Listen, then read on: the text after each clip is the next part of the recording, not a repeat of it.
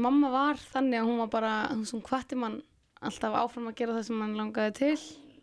Þó að hún hafi líka alveg verið röddskinn hennar inn á milli að þá var hún samt skilur við ólist bara upp með að vera bæði almennt jákvæð og líka bara þóra að gera hluti og vera sjálfstæð og hún að þú veist vildi treysta okkur fyrir okkar ákvörðun. Komið sælir kæra lustendur, ég heiti Silvíða Hall og þetta er þátturinn Missir. Líkt að nafni gefið til kynna mun ég ræða við fólk úr öllum áttum sem á það sammeilegt að hafa upplega missi á einn eða annan hátt. Í þessum þáttum munum við heyra sögur þessa fólks, kynnast fólkinu sem markaði líf þeirra og hvernig þau tókust á við það að hverja þegar þar að kom.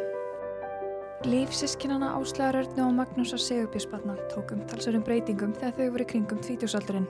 Með styrtu millibili greindist fóreldrar þeirra með erfiða sjúkdóma og mistu þau svo móður sína árið 2012.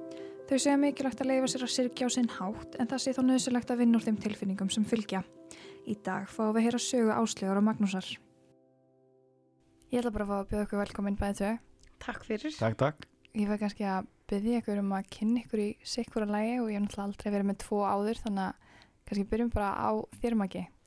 Uh, já, hæ, ég heiti Magnús Sigurbjörnsson uh, og ég er, uh, uh, já, ég er sérst bróðir áslöðurla og hérna, og, og hérna, um, og námsmaður og sjálfstætt starfandi eins og er, þannig að hérna, um, uh, og ég er sagt 30 og að vera 33 ára í mæ, það er svona kannski leta kynningin. Svona helsta. Mm Áslögu, hvað með þig? Já, ég heiti Áslarðan Sigurbjörnsdóttir og ég er litla sýstur hans maka og ég er uh, 30 árinu og er dómsmálar á þeirra Mm -hmm. Og þið eru sískinni og við erum sískinni, þrjú ára mill okkar Akkurat. og er þið mjög náinn eða? Já, við erum mjög góða vinnir Já, við erum miklu bætis, við höfum alltaf verið sko, bara, um eitt, um, farið í gegnum uh, alls konar og farið í alls konar ferðalög og, og gert alls konar saman og, Já, margt sem við svona gert okkur nánari líka held ég svona með árunum og, og mjög gaman þegar svona önnur sískinni taka okkur sem dæmi sem svona svona langar mig að vera Já, það er oft mikil heiður þegar við fáum að heyra, heyra einhvers konar þannig tilvísanir. svona vinir. En eins og í æsku, hvernig var ykkar æska saman? Það eru þrjú ára milli eitthvað svona muni eftir því? man ekki neitt, nei Já, við, við sagt, byggum alltaf í svona tveim herbyggjum svona svolítið hlið við Hlið svona sko. svolítið kannski einangrað frá, frá hérna fólundrum okkar og þannig að við allan að fengum svona þokkalegt privacy sko og, og vorum ekki saman en höfðum mjög ólíka áhugamál þannig að við vorum ekkert einhvern veginn þú veist, ég var í hestum og hann kannski í fótbolta og Mm. hann fór í tölunafræði og ég í lögfræði, þú veist, Akkurat. alveg ólíka mjög mörgu leiti en samt einhvern veginn ótrúlega góði Akkurat. en svo kannski svona kannski bara svona venjulegir sískina vinir fyrst og svo, Mhm. þú veist, ágerðist það með árónum eh, að þú veist, og nærðu vel saman eða ekki, sko Við bæði í Vestló og þú veist, kynntust aðeins þar að þú veist Nei, þá var ég þessi- sko, núna hef kannski kallaður uh, bróður áslugar en þá var ég bara sýstir Akkurat, Og snúast við. Já. algjörlega sem er bara mjög gott Hvað er upp? Ve- Fyrst aðeins í Vesturbænum Já, fyrst aðeins eftir mér er alveg way back í aðeins í hlíðunum en svo mm. Vesturbænum og svo í Árbænum frá Ársoltinu frá 97 Mhm. Þannig að hérna Það er svona vorum, stærsti, við vorum þar mest- alveg þangað til við fluttum að heiman vorum mest á þar sko. En byggum í Vesturbænum fyrst Mhm. og byrjum þar bæði í grunnskóla. Vorum þar í leikskóla líka. Mm og en þurftum að flytja uh, af því að sýstur okkar uh, notar, notaði þá göngugrind og er í hjólastól í dag og við byggum í mjög óhagstæðu húsi fyrir Já. hreyfi hamlað Mhm. þannig að uh, við fluttum í Álstonsholti sem var Akkurat. mjög bara góður flutningur eftir á og ég hef verið brjálu þá 7 ára. Og svona fjölskyldan ykkur heilt, þegar hann að litla systur. já, hana Nínu. Mm Þínum hún er þreim árum yngri en ég. Þannig að Akkurat, það er, er er- mjög skipulegt svona þrjú árum með okkar allra.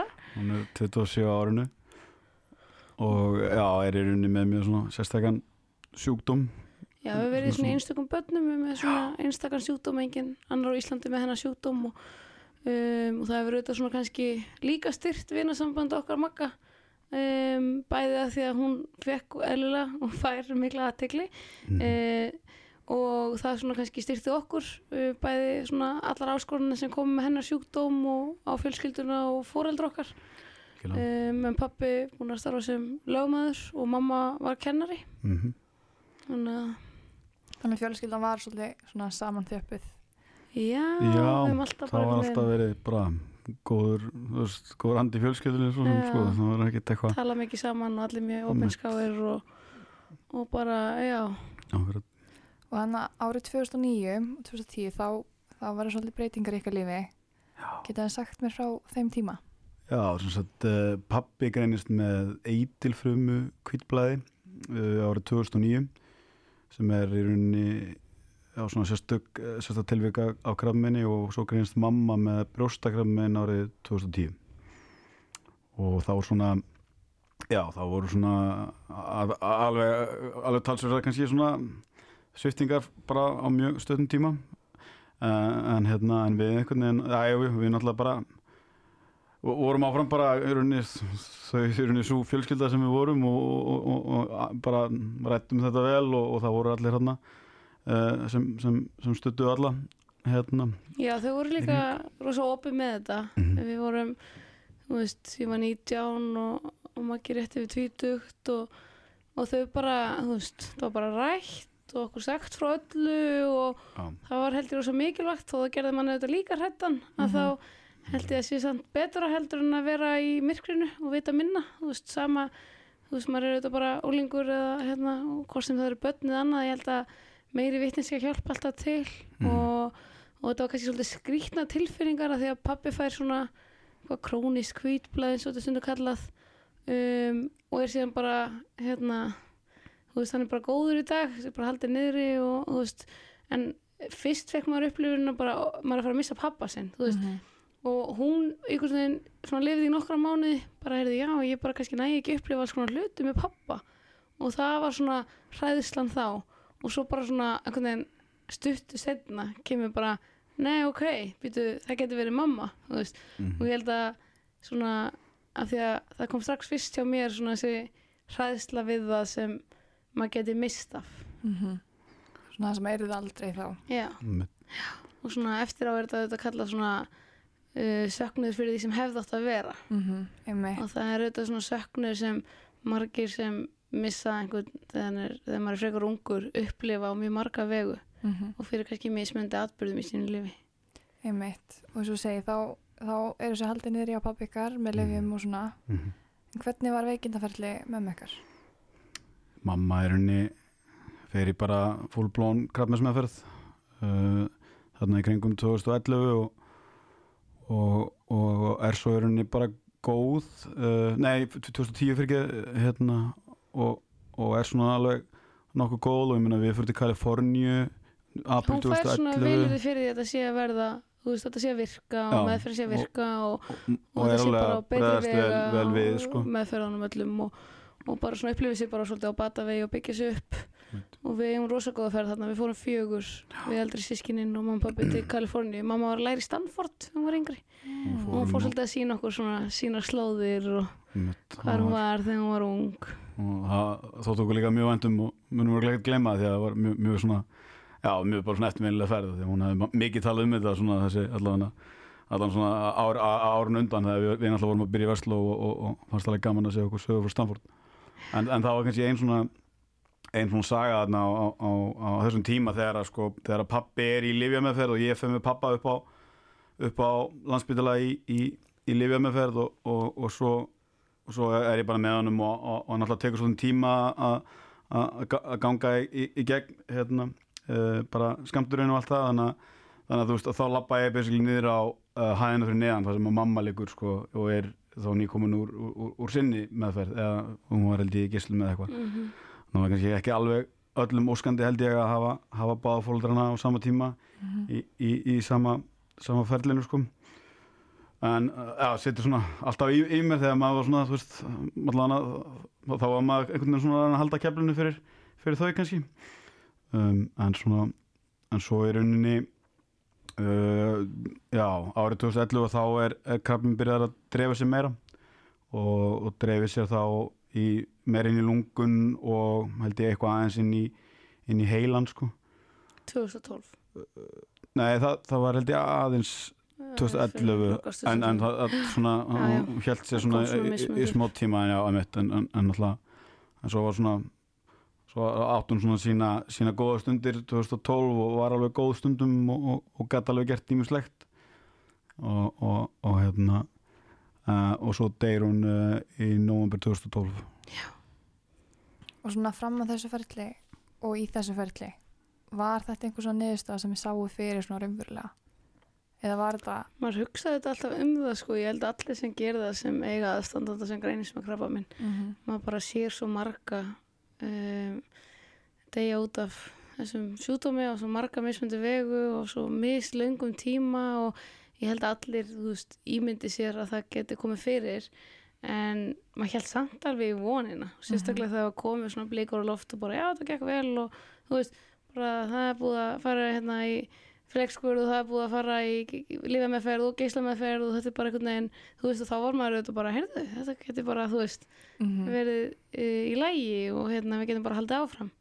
Um, en að samanskapi hugsa maður alltaf og þegar það svona leiði á að þá fórum við að auðvitað undirbúa okkur undir það en ég held einhvern veginn að sama hvað þú reynir að undirbúa undir það þú ert aldrei undirbúin undir það. Nei, þú veist, þú veist maður veit ekki í hvað maður er að ganga. Nei, maður kannski veit ekki hvernig það er fyrir en þetta gerist svo. einmitt Ég held að segja, ég tek alveg undir það sem Áslu segir að, að þú veist, maður var alltaf bara bjart sitt og maður einhvern veginn, maður hafði einhvern veginn alltaf trú á því að þú veist, þetta myndi aldrei fara á þú veist, þann versta veg. Þó að maður auðvitað var aðeins búin að var, aðeins búin að pæla í því og, og en maður einhvern veginn bara einhvern veginn bara sá það ekki gerast sko.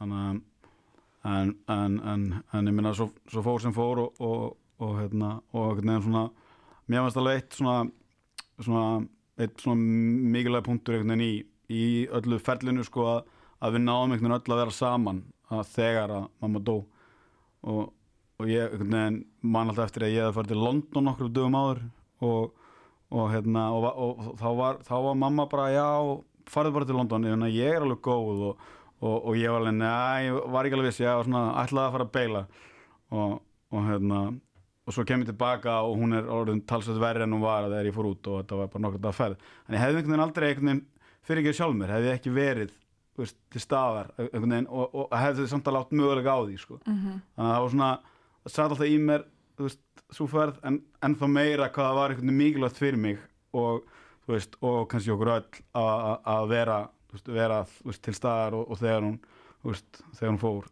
að vera, vera hjá henni sko. Svo, svo þetta gerist, hvernig takist það á þetta? Er eitthvað svona ákveðin leið sem þið ákveða að fara í saminningu eða gerur þetta bara svona hvert og eitt? Sko við höfum verið með honum Vigfúsi sem margir þekkja nú, prestur. Mhm. Um, hann var búinn að vera sko mömmu fyrst kannski til hals og traust þegar Nína sýstur okkar veikist um, 2010 11 11, 11, Tíu, já, 11 þannig að hún er hérna veikjast í ofan í, öll ferlinu líka þetta sko. er allt sömu árin. Og hérna um, og 2011 þá veikist Nína svolítið alvarlega og þá var hérna, hann svona prestur á barnaspítalunum og kemur svolítið inn og tala við okkur og ma- mamma svona hérna nær rosa góðri góðu svona einhvern veginn samtali við hann og, og þannig að þau kynnast rosa vel. Mhm. og svo einhvern veginn þegar mamma greinist svo aftur og það fer að svona uh, sjást í hvað stefnir þá og þá kemur hann og er rosa mikið bæði með mömmu sjálfri, pappa og sýstur okkar og okkur tveimur. Alveg eins og við þurftum bara að halda og bæði með mömmu og ein bara ræða döðan og bara einhvern veginn, hann sagði alls konar hluti sem að mér segja maður hefði alveg viljað, þú veist taka meira alvarlega kannski eh, svona hvað væri gott að ræða og eitthvað. Um, en maður má samt ekki auðvitað skamma sig fyrir að hafa ekki gert eitthvað. Það er Nei. auðvitað bara um, maður bregst við eins og maður hefur þroska og bara getur til á þeim tíma. Um, en hann svona einhvern veginn held rosa utan um alla á sinn hátt held ég. Við erum alveg, þó við séum samheldin þá erum við líka ólík hvernig við tökum stofið hlutina og hvernig kannski aðstof við þurfum Mhm. og hvað við viljum ræða þá mikið og alls konar Mhm. þannig að hérna ég held að og þú veist og hann einhvern veginn bara svolítið leiti alla fjölskylduna áfram og held utanum okkur og svona var ráða góður að kom inn svona einhvern veginn sem bara svona óvænt púsl inn í fjölskylduna og Já, og líka því að svona- hvað, mamma var búin að tala mikið við hann Já. og það þetta hjálpaði honum líka rosa mikið að tala við okkur af því að þau voru búin að kynna svo vel hann þekkti okkur bara strax Já.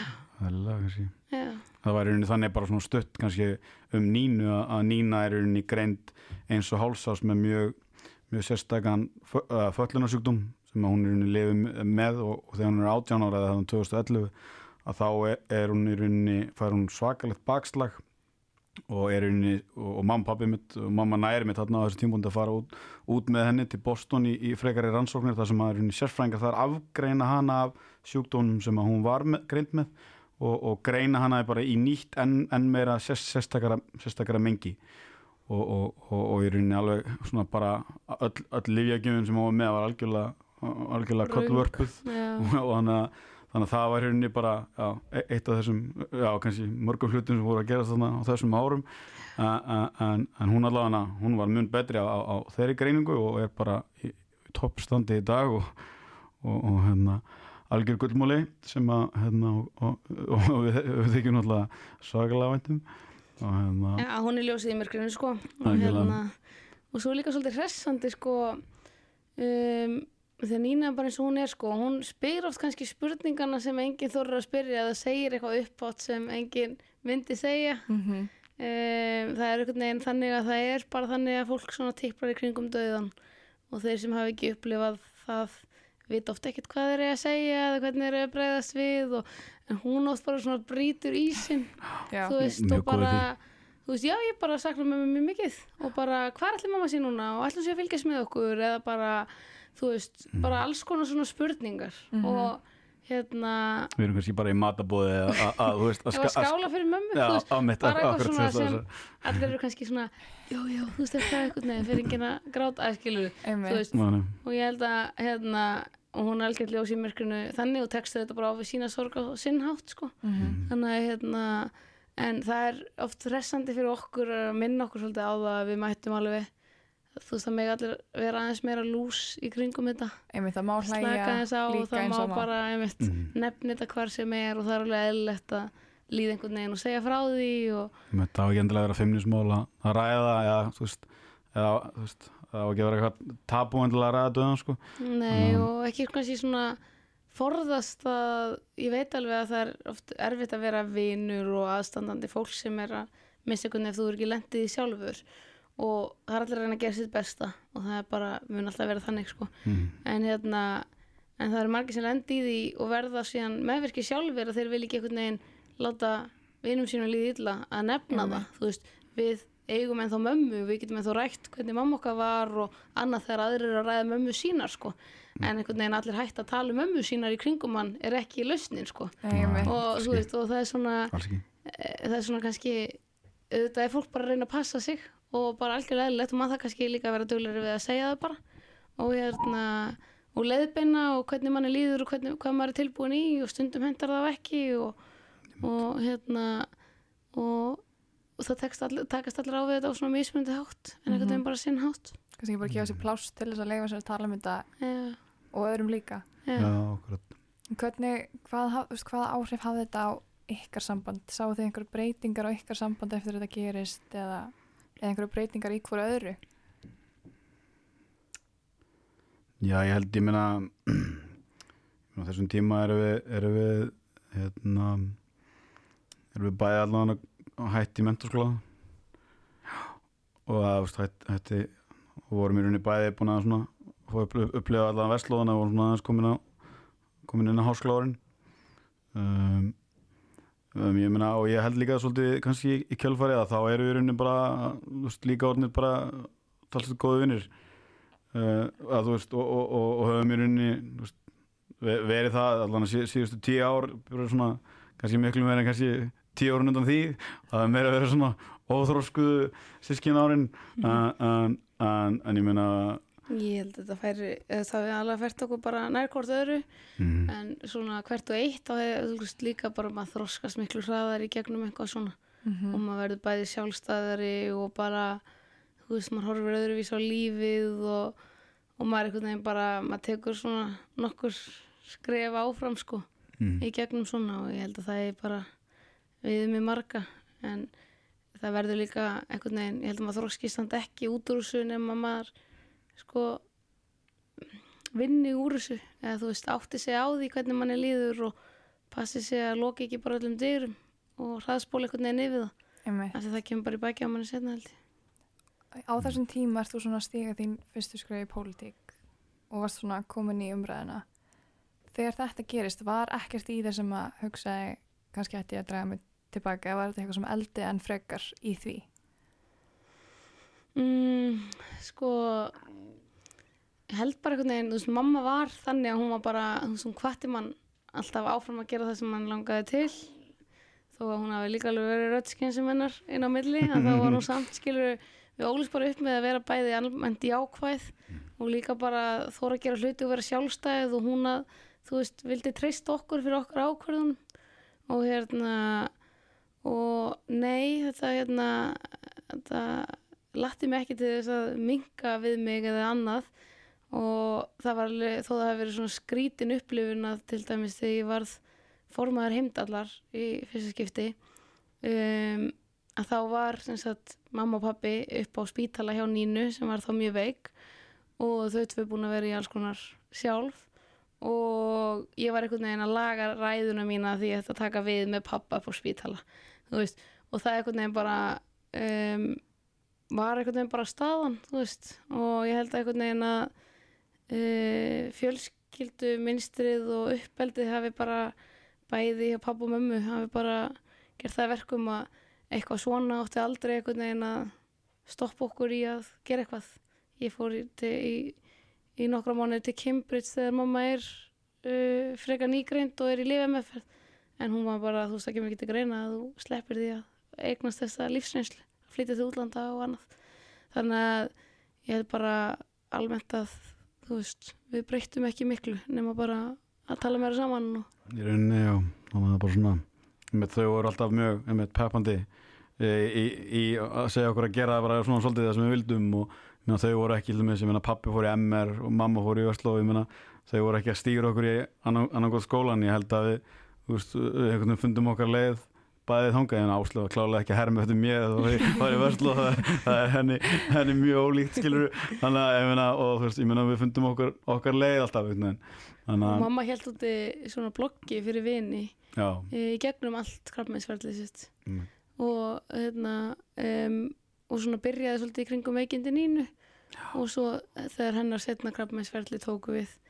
Og hérna og þá er mitt skrifað hún mjög skemmtilega setningu þegar ég var búin að ákveða að taka mér stórt verkefni sem hérna snýr hún ekki að pólitík að þá skrifaði hún á bloggi sko ég þarf átt að má því að hennar dómgreind er ekkert síður en mín. Og hún getur alveg tekið að sér og ákveðið hvaða verkefni hún tekur að sér.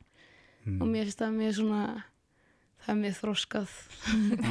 Og svona einhvern veginn, þú veist. Totally. Bæði bara, heyrði, ég er búin að leiðbennina gegnum lífið og hún er alveg þú veist, já, kláru ég til að taka Mm -hmm. ákvarðinu sitt eigið líf Þið eru bara treystandi til þess og svo já, það fylgir manni svolítið Já, vel gott. En eins og fyrir ykkur að takast á við þetta náttúrulega orðin svolítið stálpu þegar þetta gerist hvernig, hvað hjálpaði ykkur mest að takast á við þetta? Var það bara að halda áfram eða, eða var það að hugsa um þetta eða tala um þetta eða hvað þegar lítið svona tilbaka? Örgulega ólíkt svar hér. Já, ætlaði ekki. ég veit ekki, Já, þú veist, viltu byrja? Já, ég byrja.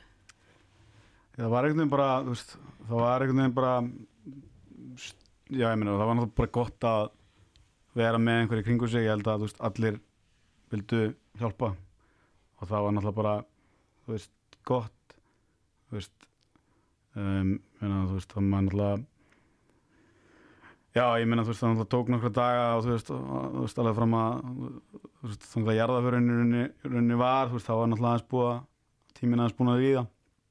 Og, og, og hérna og já ég meina og hún var þú veist hún var náttúrulega mjög mjög fallið jarðaförinn og og gleymaði kannski að fá er að, að nýna um þetta hjá hreinskilin og hún er alltaf að hún, hún náttúrulega greitt bara bara mjög hátt og vel í kirkjunni bara, bara eðlilega sem að þú veist var líka eitthvað sem að allir sem að voru þar viðst að þeir munur ekki glemma en, en ég menna það og, og það er líka kannski Já, kannski segja, kannski, kannski við um dýr, já, já, minna við erum örgulega öll, öll, öll þrjú með okkur útgáður af þessu, en ég minna svo náttúrulega bara svona náttúrulega lengri tíma litið að, að, að þá er það einhvern veginn bara að hugsa til hennar á jákvæðan hátt og, og bara einhvern veginn að, að minnast hennar skilur, veist, fyrir, fyrir því hvað hann var og, og hvernig hún hjálpaði manni að, að bara að, að þroskast og að vera svo maður sem maður er í dag. Og maður svona einhvern veginn nýtir allt er alltaf besta þannig að ég held líka bara eins og Áslu sagði á hann, ég meina hún, hún er einn einhvers staðar að fylgjast með okkur og, og, og svona sparkera svona okkur þegar, við heldur við þurfum þeir sko. Já, ég held að einmitt þetta sé svolítið, þetta er svolítið tímabil, þú veist, hvernig þú tekst á við þetta. Og tíminn læknar engin sár, sko, þú veist, hann bara, þú lærir bara einhvern veginn að lifa með þessu og hérna, og svona hvernig þú getur nýtt þetta bara svolítið, þú veist, sem eitthvað svona superkraft eða Mhm. eitthvað svoleiðis. Og ég held að svona, allir sem upplifa þetta upplifa rosa stert frá fólki í kringu sig svona fram að jarða fyrr. Það er bara, þú veist, haldið mjög mikið utanum alla og bara rosa mikið að skipuleggja og ákveða allt í kringum það. Og svo eftir jarðaföruna verður kannski svolítið svona tómleika tilfinning þá bara býtu er allir að halda áfram með líf sitt sko. Býtu, hvernig á ég að gera það? Býtu, er, allir búin að gleyma því að hérna, þú veist, mamma er bara farin. Um, en svo einhvern veginn bara held ég að þú veist, þá koma alls konar tilfinningar upp og maður er kannski, þú veist ég hef þetta maður bara talar um þetta þegar maður treysir til og þarf auðvitað að finna eitthvað sem maður getur gert það. Uh, en ég held líka svona að þú veist bara jú, jú, eins og Magnús segir sko þú veist, minnast góðu minningana og haldi í þær og reyna að rifja þær upp og annað og, og kannski að vera óhrættari við að sko, þú veist, tala við fólk sem umgengs mömmu, þú veist, hvort sem það er innan fjölskyldunar eða vinkonurinnar eða eitthvað systur, þú veist, um eitthvað sem þær mun eftir eða eitthvað skemmtilegt eða bara eitthvað þegar, þú veist, þegar hún var lítil við, þú veist, ömmu og annað. Og það er eitthvað sem mér hefur alltaf líka langað að vera duglegri við. Um, og en ég hugsa líka sko um, maður má ekki einhvern veginn skamma sig fyrir það hvernig maður syrgir.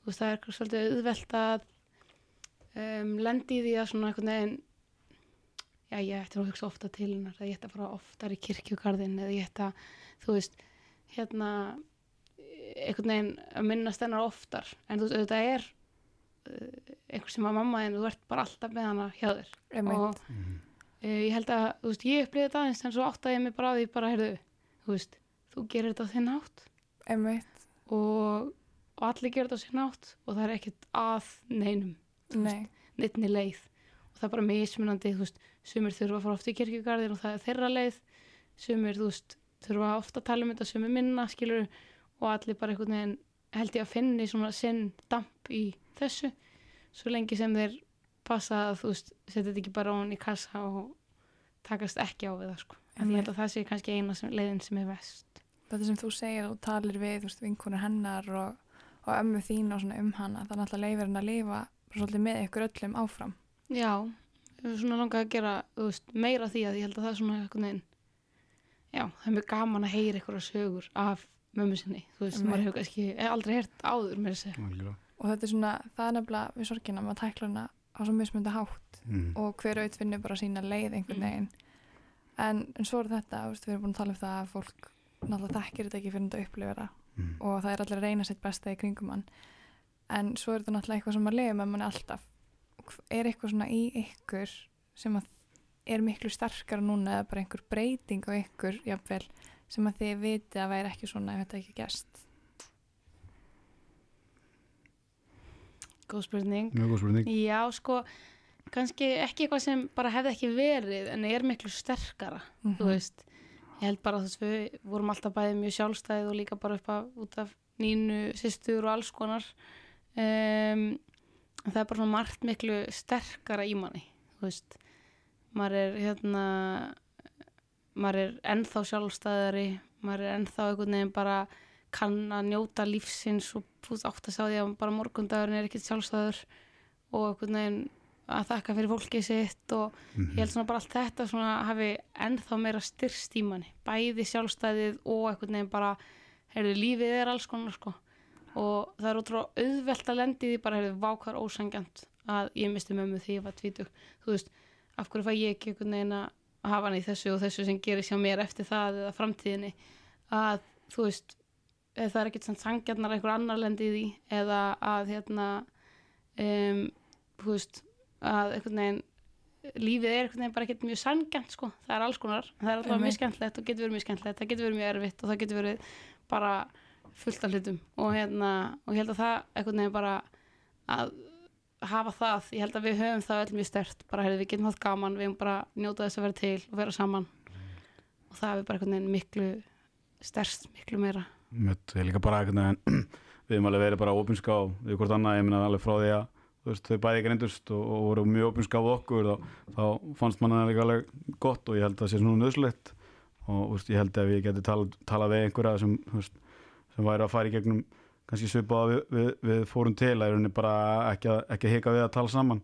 Bara veist, ræðið allt sem þið getið því að þú veist, þið veit ekki hvað gerast á morgun. Einmitt, og ég held að það sé svona kannski svona leikil þráðurinn í svona sem maður, sem maður sá, maður er alltaf vanur að bara vakna daginn eftir og ringi mömmu svona og ég meina ef þú hefur ekki kannski þann dag á morgun og þú getur ekki ringt í mömmina þá kannski veist að þá hefur kannski, kannski myndur kannski sjá eftir einhverju sem þú glindir að segja henni í, þú í gær. Einmitt, þannig að notaðu bara tækifærið og, og, og, og reyndu að vera bara ofnskár og, og bara hreins, hreinsa hreinsa hjarta þetta ef það er eitthvað sem líkur á þér og, og, og eitthvað sem að þú, veist, þú vilt, vilt, vilt, hérna, vilt segja. Þannig að ég held að það er svona það hefur kannski svona líka pínu pínu lærdómur ég meina þannig að þú veist og, og, og í rauninni te, teka saman svolítið það sem að Áslu segir ég meina, þú veist, þú veist það eru tónleikar í ykkur útlundum sem við langar að fara á núna en kannski ekki á næsta ári að drífa þig skilur Já, ég held líka einhvern veginn að sko, þeir sem sjá fyrir að vi, vita og fá allavega þann undirbúning sem ekkert allir fá að döðanum, þú veist að þóra að spyrja einhvern veginn spurningana sem manni langar að vita Mhm. og ég hérna, ég skamma mig ekki fyrir það í dag að hafa ekki spurt alla spurningana en ég veist, hef marg oft hugsað um hluti sem ég hefði viljað spyrja. Mhm, um, bara, veist, eitthvað svona um þig þú varst lítill eða eitthvað sem hún upplifði eða þú veist, það er alveg svona margt sem ég held að maður þurfi einhvern veginn átt sig á, heyrðu, maður á ennþá hérna fólk, maður á ömmu, maður á pappa, þú veist, það er margt sem maður, hérna, samtöl mega oft vera dýbri og um alls konar hluti, sko. einmitt algjörlega. Og nú erum við búin að fara svolítið yfir sorgina. Og eins og segir, þú veist, hún fer ekki neitt. Var, voru þið með einhverja fyrir svona hugmyndir um hvernig það er þig þú veist, að því margir hafa sagt bara já, það held að vera kannski eitt ára eða tvö ára og svo kemast maður yfir þetta, veist. Voru þið alveg búin til það að þetta væri alltaf að fara að fylgja ykkur? Ég held svo, heldur fengum kannski smá, já ég heldur svona fengum kannski smá þefin að því þegar að amma okkar lest úr krabbameini líka. Það var árið eh, 2001 held ég.